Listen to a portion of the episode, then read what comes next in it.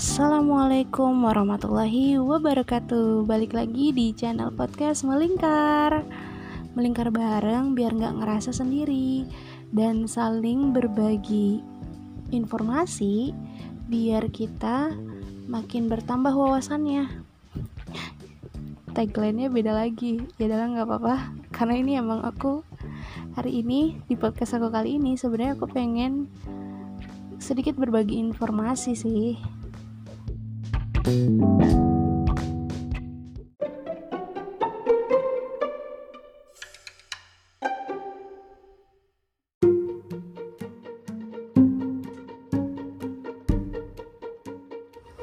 jadi sebenarnya aku di sini pengen ngobrolin soal uh, bagaimana jika kehidupan kita seluruh uh, kehidupan kita itu saling terkoneksi menggunakan internet. Maksudnya kan kita kan kalau orang-orang IT ya biasanya dan kalau semisal uh, kalau misal teman-teman kayak punya interest sama bidang IT dan internet biasanya ada hal-hal di mana yang uh, kita tuh dikasih gambaran gitu ya bahwa nanti di masa depan akan ada yang namanya kayak smart home terus juga semua hal itu kayak terkoneksi di sama internet kita mau belanja dan segala macam itu kayak semuanya akan terintegrasi dan terkoneksi dengan internet. Sekalipun itu kayak peralatan rumah tangga gitu-gitu dan lain sebagainya.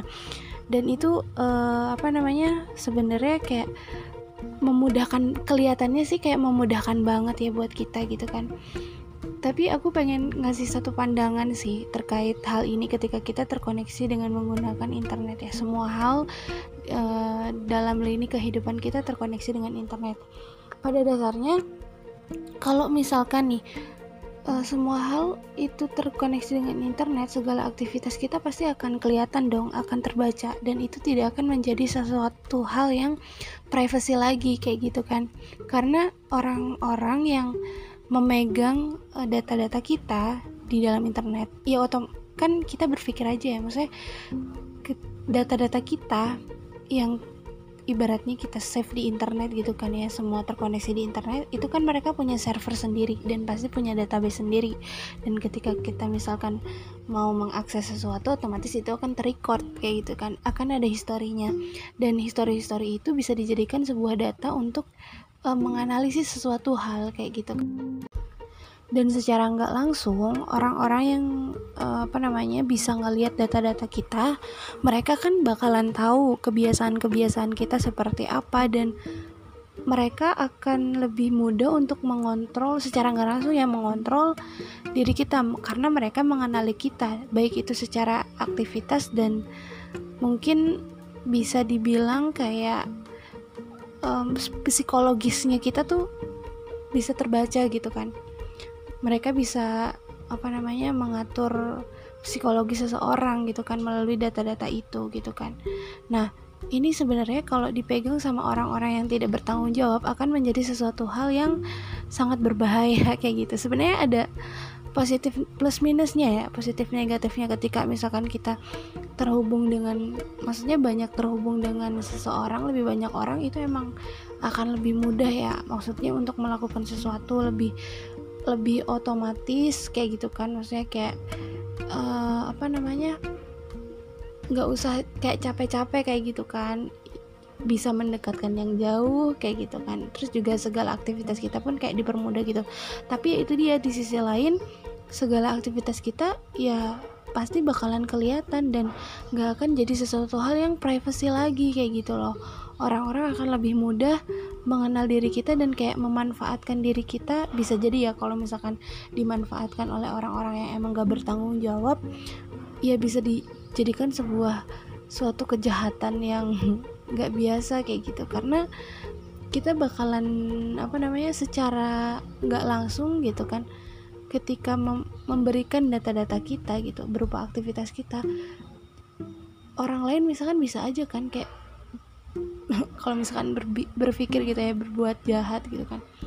Oh dia aktivitasnya kayak gini kayak gini seharian gini. Oh dia nggak ada di rumah pada jam sekian jam sekian. Pada jam sekian dan jam sekian dia akan melakukan ini ini ini. Kan itu jadi kayak menurut aku sih ngeri ngeri sedep ya. Gitu. Di apa namanya maksudnya ketika kita melihat dari sisi yang lain gitu kan selain dari hal positif dan kemudahan-kemudahan yang diberikan oleh fasilitas internet kayak gitu. Ya pada intinya aku belajar gitu kan sebelumnya di kampus karena aku emang jurusan IT juga gitu kan. Siapa yang bisa menguasai data ya itu akan bisa menguasai dunia. Ya emang betul sih gitu kan. Ada betulnya juga gitu ketika aku berpikir bahwa ya kalau misalnya kita emang punya data-data orang-orang di Indonesia misal di Indonesia atau negara-negara lain. Contoh uh, kita apa namanya kita menggunakan aplikasi yang itu terhubung dengan map gitu kan dan misalkan ketika kita berkunjung ke suatu tempat atau ke mana pun hal itu kita berada gitu ya kan. Nah itu bisa terikot kayak gitu kan. Kalau misalkan terikot mereka tuh jadi tahu gitu. Kan apa namanya tempat-tempat yang sering kita kunjungi itu bisa jadi salah satu uh, marketing strategis yang bisa digunakan gitu buat buat apa ya? Buat kita misalkan uh, ternyata kebiasaan orang-orang kebanyakan tuh kayak gimana dan apa aja sih kesukaan orang-orang kita tuh jadi bisa memetakan hal itu gitu kan. Dan terus kita bisa meng, apa mempelajari juga kan letak di sisi geografis di sebuah negara gitu. Ketika kita bisa apa namanya mengakses internet atau misalkan kayak yang ibaratnya itu terhubung dengan Google Map lah ya ibaratnya. Bahasanya sih kayak gitu sih. Nah sebenarnya ini udah aku pikirin sejak dahulu banget gitu kan ya jadi uh, aku tuh kebayang hal-hal yang kayak gitu gitu apalagi di soal dunia perinternetan gitu kan.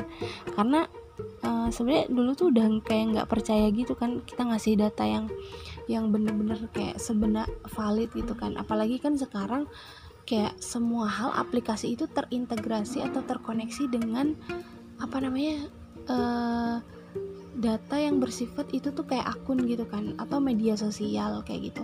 Ya emang sih aku kenapa aku bahas ini? Karena ya sekarang kan kayak lagi ada film trailer film baru ya yang kayak uh, apa sih judulnya tuh namanya? Sosial dilema ya sosial dilema yang itu tuh sebenarnya kayak ya emang betul-betul gitu kan. Uh, apa namanya dampaknya tuh emang kayak gitu gitu. Coba teman-teman mungkin bisa lihat gitu kan di videonya tuh seperti apa trailernya. Tapi buat yang nonton pasti udah paham sih apa yang aku bicarain kayak gitu kan. Dan masih banyak hal lagi yang bisa kita peroleh gitu kan dengan memanfaatkan keuntungan itu. Karena coba aja gitu kan ketika kita misalkan uh, mengakses sesuatu hal yang gratis gitu pasti kan itu ada uh, apa ada peraturannya kan ada service term term and, and condition kayak gitu-gitu pokoknya dan kita tuh harus setuju gitu kan dengan persyaratan-persyaratan yang mereka kasih kayak gitu kan nah Terus selain itu banyak juga aplikasi-aplikasi yang sekarang tuh cuman bisa kita misalkan kayak cuman punya Google, akun Google, akun Gmail ya atau misalkan akun sosial media Facebook, Twitter, LinkedIn atau misalkan kayak Tumblr gitu kan.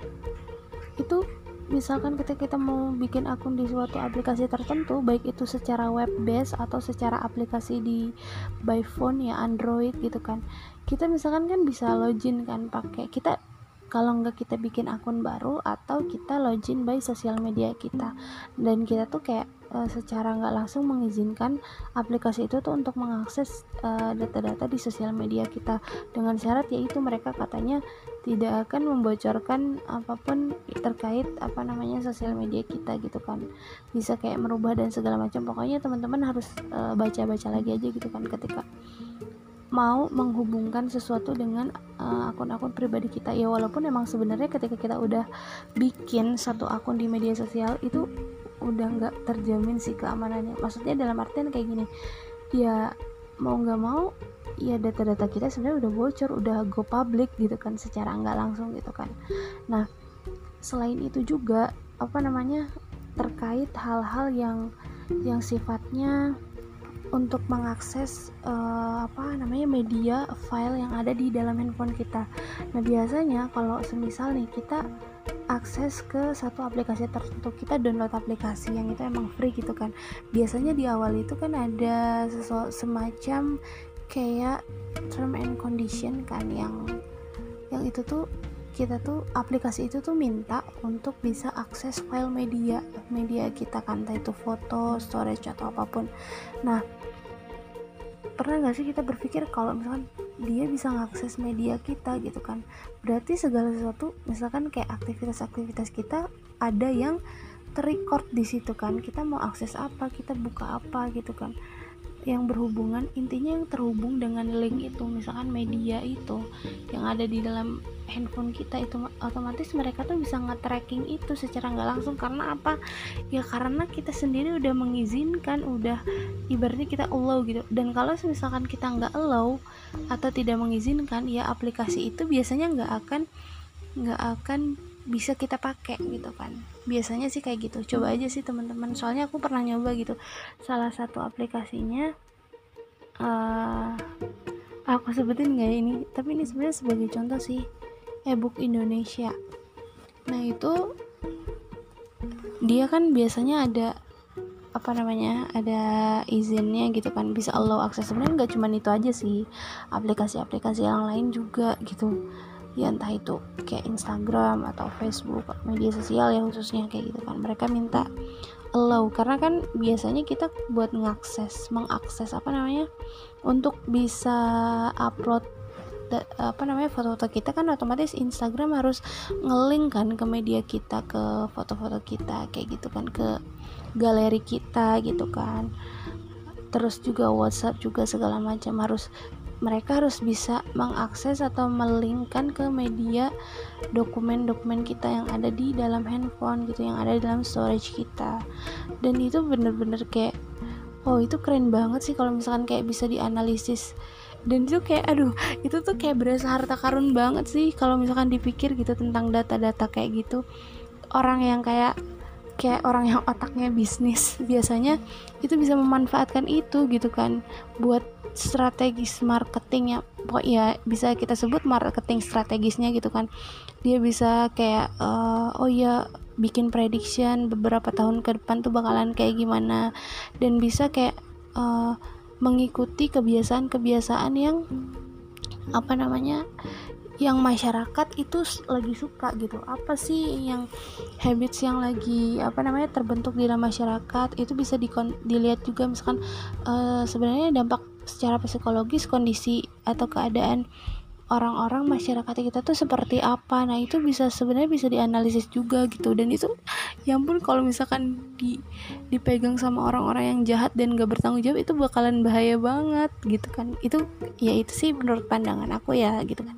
Sebagai seorang yang pernah belajar di bidang IT karena aku kan jurusannya IT juga dulu waktu kuliah gitu itu sih sebenarnya yang pengen aku sampaikan mohon maaf kalau misalkan kayak banyak kesalahan kekurangannya.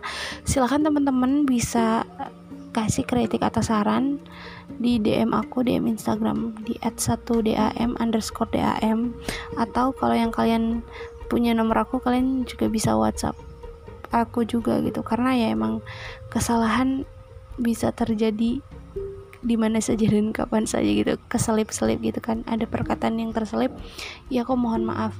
Ini cuman kayak sebagai bahan informasi aja sih tentang pemikiran aku selama ini karena ya itu dia sebenarnya yang jadi alasan kadang aku maju mundur gitu ketika aku belajar soal internet ya. Karena ada ada apa ya ada dark side-nya itu gitu yang bikin uh, jadi kayak pergulatan di dalam diri aku sendiri kayak gitu. Oke mungkin itu aja.